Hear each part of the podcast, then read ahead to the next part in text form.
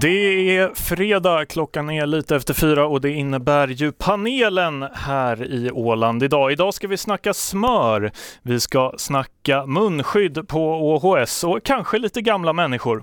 Eh, med mig eh, i panelen idag eh, Heidi Henderson, journalist på Nya Åland. Välkommen!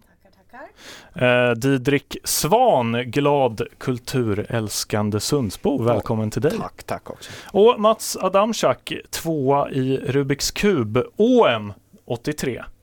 Tack, det stämmer. Kom trea i Sockerbets gallringstävling samma år också. Eh, mycket smala företeelser. Eh, ja, det här. stolt ändå. För att återanvända... Eh, för att återanvända en eh, tidigare ordvits här ska vi ge oss in på ett lite bredare ämne först, eh, tänkte jag. Smör alltså. Ja. Det har ju snackats mycket om smör i, i veckan. Det är kärnad grädde, måste innehålla minst 82% fett, högst 16% vatten. Då får det kallas smör enligt EU-produkter som Lätta Bregott Becell och sånt här är ju inte smör utan i bästa fall bordsmargarin. Problemet är att smör inte är världens klimatsmartaste produkt. Kossor klämmer ur sig rätt mycket metan medan koenergin övergår i mjölk. Oljor är normalt bättre. Olivolja till exempel är bra eftersom olivträden producerar syre och äter koldioxid, alltså tvärtom om man jämför med en ko. Eh, det låter ju som en rätt självklar sak att påpeka, vilket Mariehamnstad har gjort. Men det här har inte hindrat åländska politiker från att eh, fullkomligt gå i taket över det här klimatrådet. Har ni följt eh, Smörgate eller vad vi ska kalla det?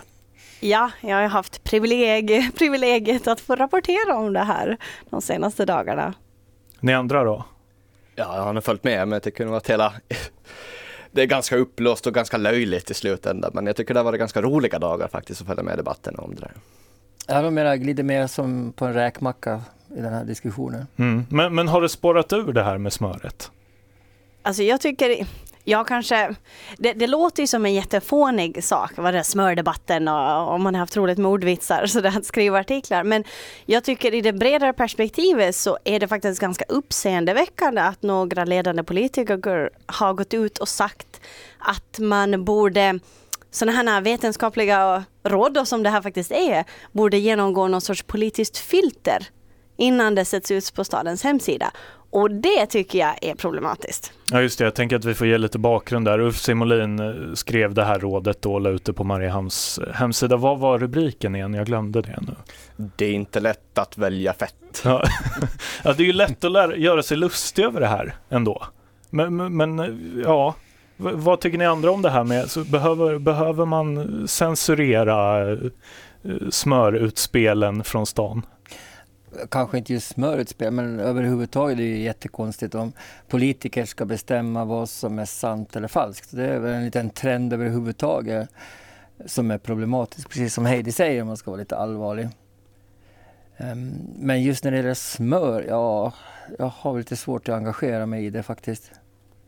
Eh, jag tycker det är lite intressant i den här debatten har man glömt bort den åländska rapsoljan. Om man nu ska liksom vara en lokalivrare så gick alla politikerna igång på att smöret ska försvaras men på den här hemsidan med den fina rubriken så står det ju faktiskt att ja, lokalt odlad rapsolja liksom Mm. Det är ju också ett alternativ. Ja precis, för det var ju ett av de stora, en, en av de stora stötestenarna kan man säga att folk ville liksom, eller politikerna då egentligen ville värna det lokala och eh, se till att köpa och se smör. Men det finns ju som du säger också lokala lokala oljor. Ja, lokala alternativ. Och jag intervjuar ju Ulf Simolin som är stadens eh, miljösamordnare om det här hela och han ja, tyckte att det är ju konstigt om man inte ska kunna få lägga ut rekommendationer som är vetenskapligt förankrade utan att politikerna ska få spel och han mm. menar att man måste kunna prata om sådana här saker. Visst, nu är vi ju alla anhängare av det åländska smöret men man måste ju också kunna få prata om klimataspekter även vad det gäller lokal mat. Men, men tror ni att man missförstod det här? Blev, blev folk eh, arga för fort? Läste man inte allting? Jag tror att själva beslutet kom ju ganska hipp som haps direkt på och eh, det är väl därför också att diskussionerna har blivit så aggressiva och stora. Att eh, det har inte varit som en förberedande fas för det åländska folket utan det har kommit som en boom och därav resultatet vi hörde. Men och där är ju också intressant, liksom, det var ju Camilla Gunell som skrev ett Facebook-inlägg som, Mm. jag tror igår kväll hade det över 200 kommentarer.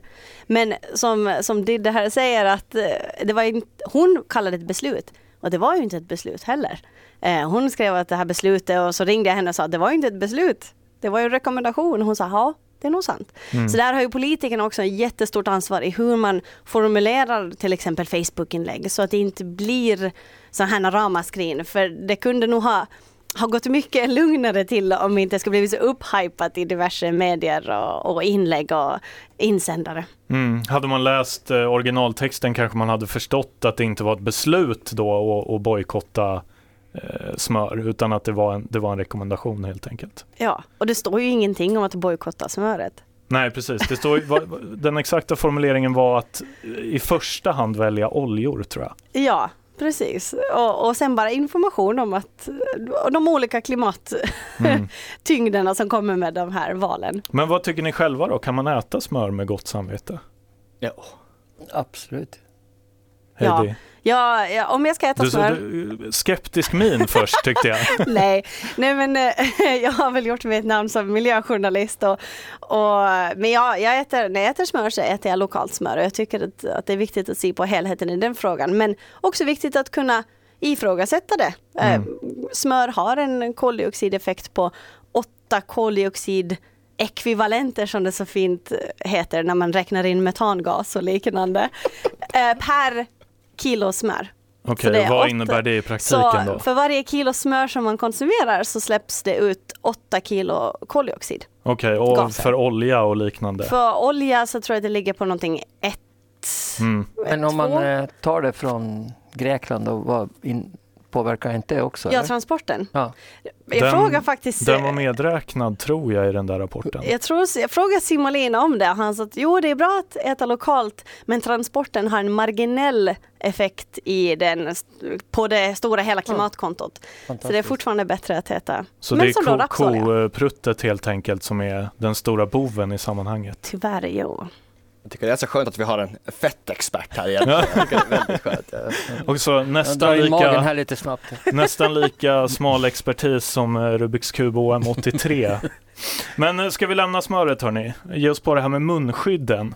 Eh, på OHS så eh, går det ju runt vårdanställda eh, med påtvingat munskydd eftersom att de vägrar vaccinera sig. Därmed är de ju också i praktiken en smittorisk och eh, Det rör sig om det årliga influensavaccinet eh, i de flesta fall vad jag har förstått. Eh, vi på Åland idag kollade igår med regionförvaltningsverket som håller i arbetsrättsliga ärenden och de har absolut inga problem med att eh, arbetsgivaren tvingar på folk munskydd.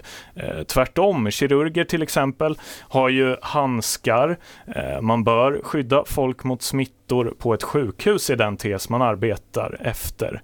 Vad, vad tycker ni? Har ni följt den här debatten? Här har jag nog följt en del. Mm.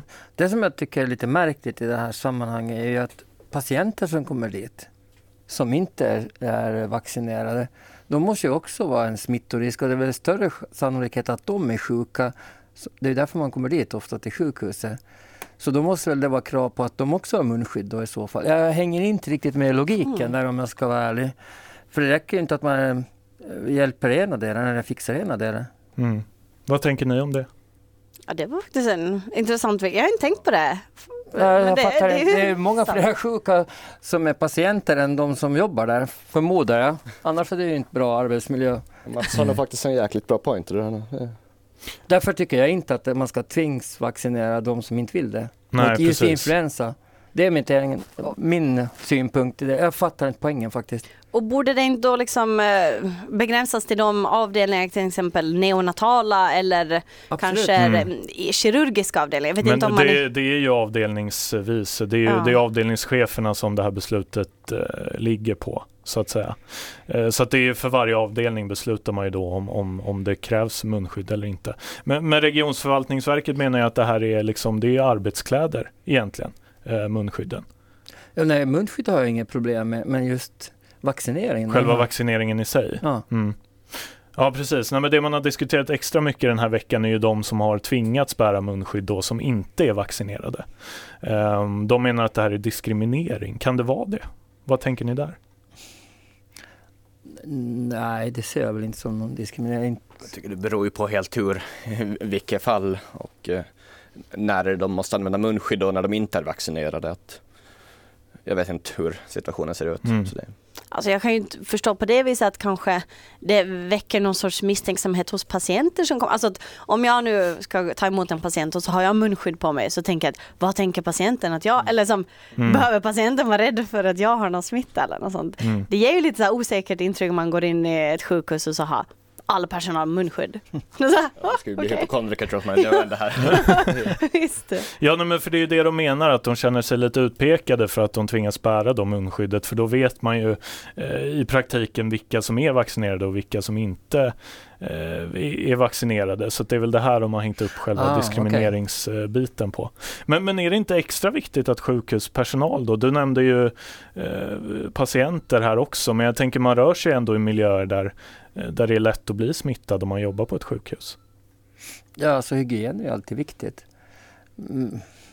Jo, nej, men, eh, men jag har fortfarande svårt att förstå logiken i att bara tvinga den ena parten.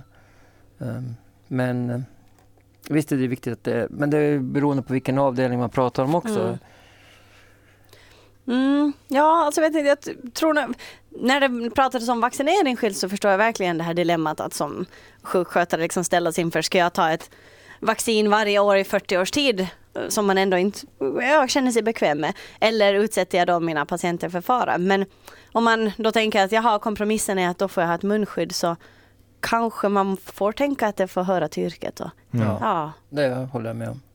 Men vad tänker ni kring vaccin i allmänhet då? Det som diskuterats eh, nu i veckan är ju det här årliga återkommande eh, influensavaccinet. Det är, hur, hur ställer ni er till det? Är det bra eller dåligt? Jag tycker det ska vara frivilligt oavsett då, för varenda människa oavsett var man jobbar. Då.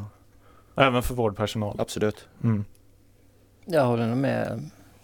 Ja, jag tycker spe- speciellt om man ska, om man tänker att man har en karriär som säkert räcker 30-40 år och ändå att varje år inte för att jag är någon vaccinmotståndare och det funkar säkert bra men jag skulle känna mig väldigt skeptisk till att eh, trycka i mig någonting som jag inte skulle behöva för min egen hälsas skull. Men varför då? Vad, vad tänker du kan vara dåligt med det? Ja men ändå lite skeptisk till, jag tar ju heller inte så här onödigt mycket så här smärtstillande med, alltså jag vet inte, jag tycker ändå att ja, det, jag kan, det min kropp kan hantera själv så får den göra. Jag är inte rädd för förkylningar och sånt. Så nej, jag skulle inte tycka om alldeles för mycket främmande ämnen. Är alla vacciner dåliga? Absolut inte. Nej, för gud nej. Ju, Men det beror ju på vad, pratar vi huvudvärk eller pratar man att man riskerar att dö, så då är det ju viss skillnad. Mm. mm. Det beror på helt enkelt, kan Ja. vi sammanfatta det som. Ja, men inte finns det ett vaccin som fixar allting heller, utan det beror ju precis på det. att jag har kompromiss. Väldigt sunt förnuft överlag, tycker jag. Då. Men Mm. att man vet väl vilka vacciner man ska ta om man jobbar var eller oavsett, men att mycket nog sunt förnuft än att trycka i sig massa också i onödan. Det är i alla Mm. fall min åsikt. Men jag tror kärnan här känns som att det blir ett etiskt dilemma för uh, vårdpersonalen, den som måste ta det här valet. Och det är ju trist, måste ju vara jättejobbigt. Med det så lämnar vi vacciner och vi ska ställa oss frågan, har gamla människor tråkigt? Eh, I veckan så presenterade det privata äldre, eller det första privata äldrevårdsföretaget sin verksamhet eh, genom att under dagen bjuda på eh, typiska aktiviteter för gamla människor. Man fick lukta på saker och spela bingo. Eh, och jag förstår ju att man som äldre och ja, lite svårrörlig och sådär inte kan ge sig ut och köra snowboard eller vara med eh, i en badmintonturnering till exempel. Men måste det vara så här? Eh, borde man kanske arrangera workshops där man bygger motorer för eh, rullatorer istället? Ja, Ja, Alltså, förstår ni min fråga? ja, men var först, var går gränsen för att vara gammal? Jag känner mig lite utpekad här. Ja, just det. Ja, du är nog äldst i rummet tror jag. Jo, det är ändå. jag definitivt. Hur intresserad av bingo är du? Och att lukta på saker? jag skulle inte vad de luktar på. Jag, Alltså, det finns ju kobingo som man kunde kombinera då möjligtvis, som man hade på Borgströms gård för fem sex år sedan. När, du känner inte till den? Nej, nu jag är helt borta nu nej, här men på så då- K-bingo. Då hade man bingoplan då på, ute på gården där och så där kon bajsa så var det en siffra och så fick man ko-bingo. Och Jaha, då kunde man ju kombinera just lukta och bingo. Och den skulle man kanske kunna Du kom på fjärde plats i den där. Kan du köra smörbingo? ja just det. Ja. Men, Så att du är okej med bingo, men det måste vara någon extra twist på ja, hela det bingot. tror jag definitivt. Eh, Och för att jag ska gå igång på det i alla fall. Kanske inte just kobajs då, men, no. Ja. men jag var inne på kor. Ja, jag skotta djupare nu bara. Men eh, vad tror ni, alltså bli- blir man eh, eh, blir man mer intresserad av sådana här saker när man blir äldre? Vad är liksom hönan och vad är ägget här? Alltså, jag tycker det känns lite som en självuppfyllande profetia att gamla människor är tråkiga eller att de gillar tråkiga saker. Sen är det förstås en tolkningsfråga vad som är tråkigt och någon kanske tycker bingo är jättespännande. Så här. Men jag vet ju min mamma som just fyllde 70, hon har väl kanske passerat då någon sorts gräns till att vara den äldre befolkningen. Och hon har ju mer aktiviteter än, än vad jag har. Herregud, hon dansar och hon är med i permakultur och hon lär sig massa nytt och går på föreläsningar och läser böcker. Och ja, jag tycker där har vi ett exempel på att jag tror inte att det måste nödvändigtvis stagnera aktivitetsmässigt bara för att man blir äldre. Och jag vet själv också som man jobbar inom äldreomsorgen också, hoppar in lite nu och då, att eh, nog finns det gamla människor som är jäkligt häftiga nu alltså. Att det, det är nog inte så att gamla människor bara är tråkiga. Ja, det är inte som man tror, det är bara fullt ös. Det finns många härliga människor alltså nå, som är fullt ös ändå fast de ändå är på ett boende. Alltså min pappa han fyllde väl 90 här nyligen och hans största problem är att han inte orkar starta motorsågen mera. Ja, just det, ja. Så att han har fått en med elstart nu så att nu kan han köra lite igen då. Nej men det är ju bara bullshit att de ska bli tråkiga. Så precis som du sa att de har ju så mycket aktivitet att de inte hinner vara pensionärer i princip. Hur ser drömscenariot ut för er? Vad vill ni göra på ålderns höst? Fullt öst och sen bara bli nerklubbad någonstans. Vad, vad menar du med det? nej, nej men inte, nej men inte, oj. Nej men det, Men väljer man att bli gammal så blir man ju gammal. Att det är väl lite det. mm. Ja, du menar att man går in i liksom det här att man ska spela bingo och det ska, Exakt, ja. det ska gå långsamt. Så En kommentar liksom på Matsen där, just fullt ös. Och sen bli avklubbad. Att det är just att väljer man att bli gammal så då går det långsamt. Mm. Så man får se till att hålla igång med tv-spel och motorsågar och strunta i, i bingot. Ja men att utforska nya saker och hitta nya intressen. Det finns ju så mycket att utforska i den här världen. Lär sig Mm. spanska eller någonting. Ja. Där måste jag bryta er hörni, för eh, tiden eh, är slut tyvärr. Eh, Tack eh, Mats Adamczak, Didrik Svan och Heidi Henderson för att ni kom hit.